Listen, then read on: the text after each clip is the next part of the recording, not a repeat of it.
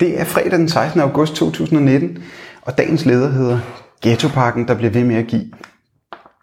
Som det tidligere har været behandlet på denne lederplads, skal børnehaveklasseelever på skoler, hvor mere end 30 procent af eleverne kommer fra et boligområde, som har stået på ghetto-listen i løbet af de seneste tre år, bestå en sprogprøve for at starte i første klasse.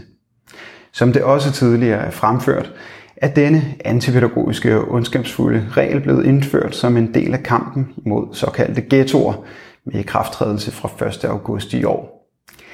Hvad der ikke tidligere har været fremme er, at de omfattede skoler også fremover skal gennemføre en obligatorisk sprogprøve for eleverne i 1. til 9. klasse, hvis de undervises i dansk som andet sprog, men vel at mærke skal stoppe med at modtage denne undervisning.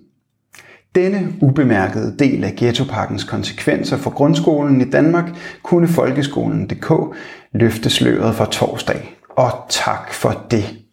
For noget tyder på, at der i toppen af Venstre, Liberal Alliance, det konservative Folkeparti, Dansk Folkeparti og Socialdemokratiet har været et ønske om, at denne del af deres aftale ikke skulle udsættes for demokratisk debat i offentligheden. I hvert fald fortæller en pavestolt Alex Arnsen, som fremhæver, at han er manden bag denne del af pakken, at han er godt tilfreds med, at offentligheden ikke er blevet inddraget.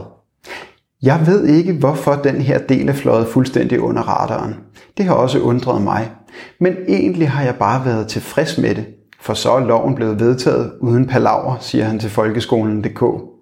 Et dejligt, uforurenet indblik i herr Arnsens demokratiske sindelag. Demokratisk debat i offentligheden er besværlig palaver. Men måske hele denne pakke af angreb på de almene boliger, fattigste familier, etniske minoriteter med mere, som går under navnet Ghettopakken, kunne have haft godt af lidt palaver.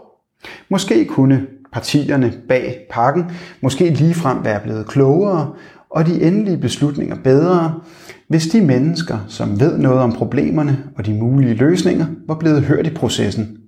Måske er landets folketingsmedlemmer ikke klogere end alle vi andre dødelige. Måske, bare måske, har fagpersoner, forskere og mennesker, der til daglig er hænderne dybt nede i surdejen, bedre bud på, hvad virkelighedens problemer består i, og hvordan de løses. Men hvorfor dog lytte til fagkundskaben og pøblen, når man skal vise handlekraft? Så er der ikke brug for demokratisk palaver. Næh, handling er hvad der skal til. Og jo mere inhumant og følelseskoldt, des bedre.